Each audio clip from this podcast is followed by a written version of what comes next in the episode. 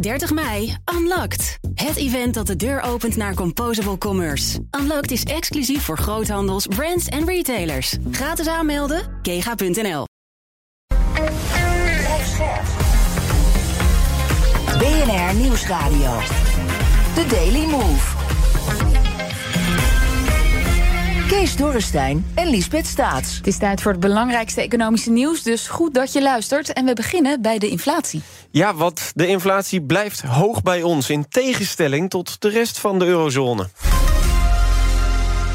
De inflatie neemt in de hele eurozone flink af, behalve dus hier in Nederland. Alleen bij ons steeg de inflatie van maand op maand... met 6,8% in mei tegenover 5,8% in april. Een uh, procentpunt erbij dus. Senior econoom Bert Colijn bij ING, goedemiddag. Goedemiddag. Waarom zijn wij het slechtste jongetje van de klas?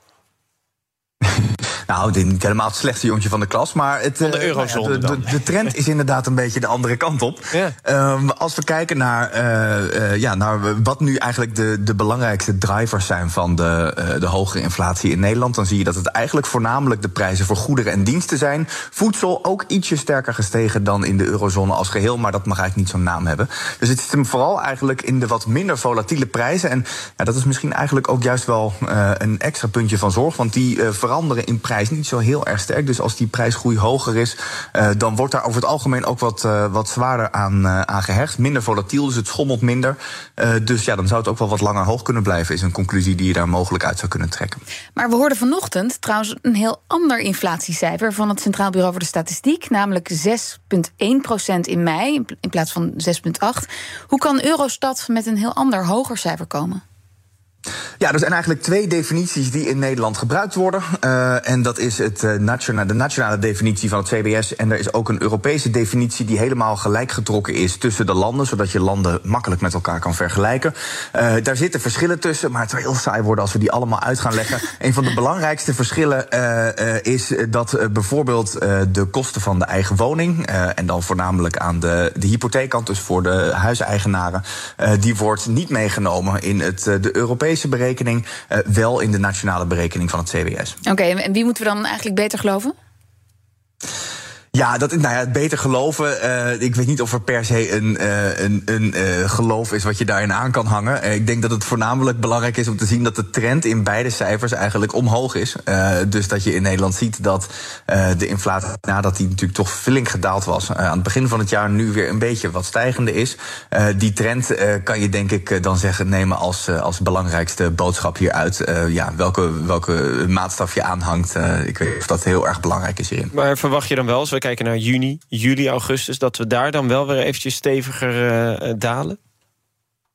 Nou, ik denk over het algemeen dat je wel kan verwachten dat de inflatie ook in Nederland uh, de dalende trend uiteindelijk heeft ingezet. De vraag is natuurlijk een beetje welke snelheid dat mee gaat. En wat eigenlijk vooral verrassend is op het moment is dat de goedereninflatie vrij sterk stijgend is.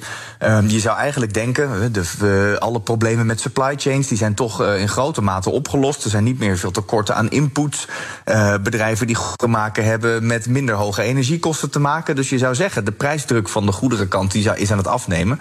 Dat zien we nog niet gebeuren bij consumentenprijzen. Wel is de verwachting dat dat in de loop van het jaar ook gaat gebeuren. Um, ja, de vraag is in welke mate uh, Nederland of dat dan ook sneller gaat dalen dan in de rest van de eurozone. Dat, uh, is, uh, dat is lastig om daar een goed beeld op te plakken. We zien natuurlijk wel dat in Nederland de lonen wat sneller stijgen dan in de rest van de eurozone. In Nederland tegen de 6% zijn de cao-lonen gestegen. Ehm, in de eurozone gaat dat aan iets meer dan 4% dus dat geeft natuurlijk ook wel iets meer mogelijkheid voor consumenten om aan hogere prijzen te blijven consumeren. En dat geeft dan ook bedrijven weer een mogelijkheid om wat langer de prijzen te blijven verhogen.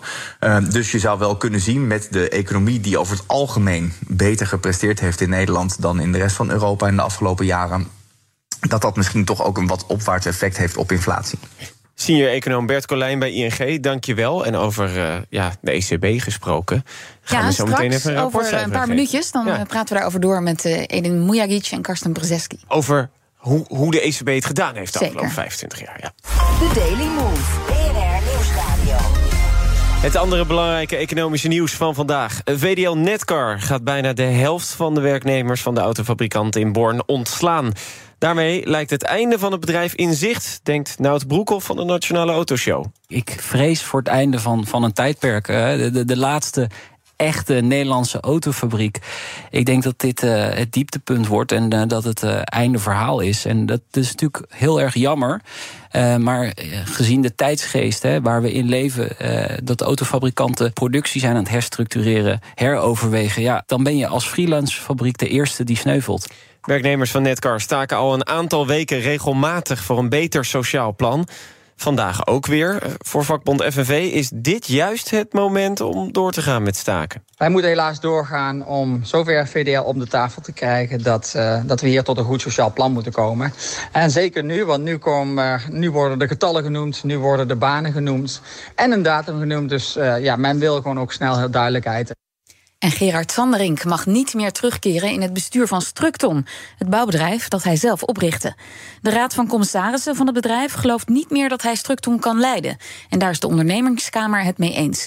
De rechter had ook niet echt een andere keus, zegt FD-journalist Paulien Wuster. Als de RVC van het bedrijf zegt en eigenlijk iedereen eromheen, klanten lopen weg, banken lopen weg, accountants lopen weg, omdat hij aan het roer staat, ja, dan is de kans in ieder geval klein dat je daar heel veel tegen in kan brengen tijdens zo'n zitting. En volgens haar is Sanderink met deze beslissing de controle over zijn imperium nu echt wel kwijt. Wil je trouwens het belangrijkste economische nieuws ook als podcast ontvangen? Abonneer je dan gewoon eventjes op Economie Update. Krijg je elke dag om 6 uur gewoon op eventjes een melding dat je weer wat te luisteren hebt.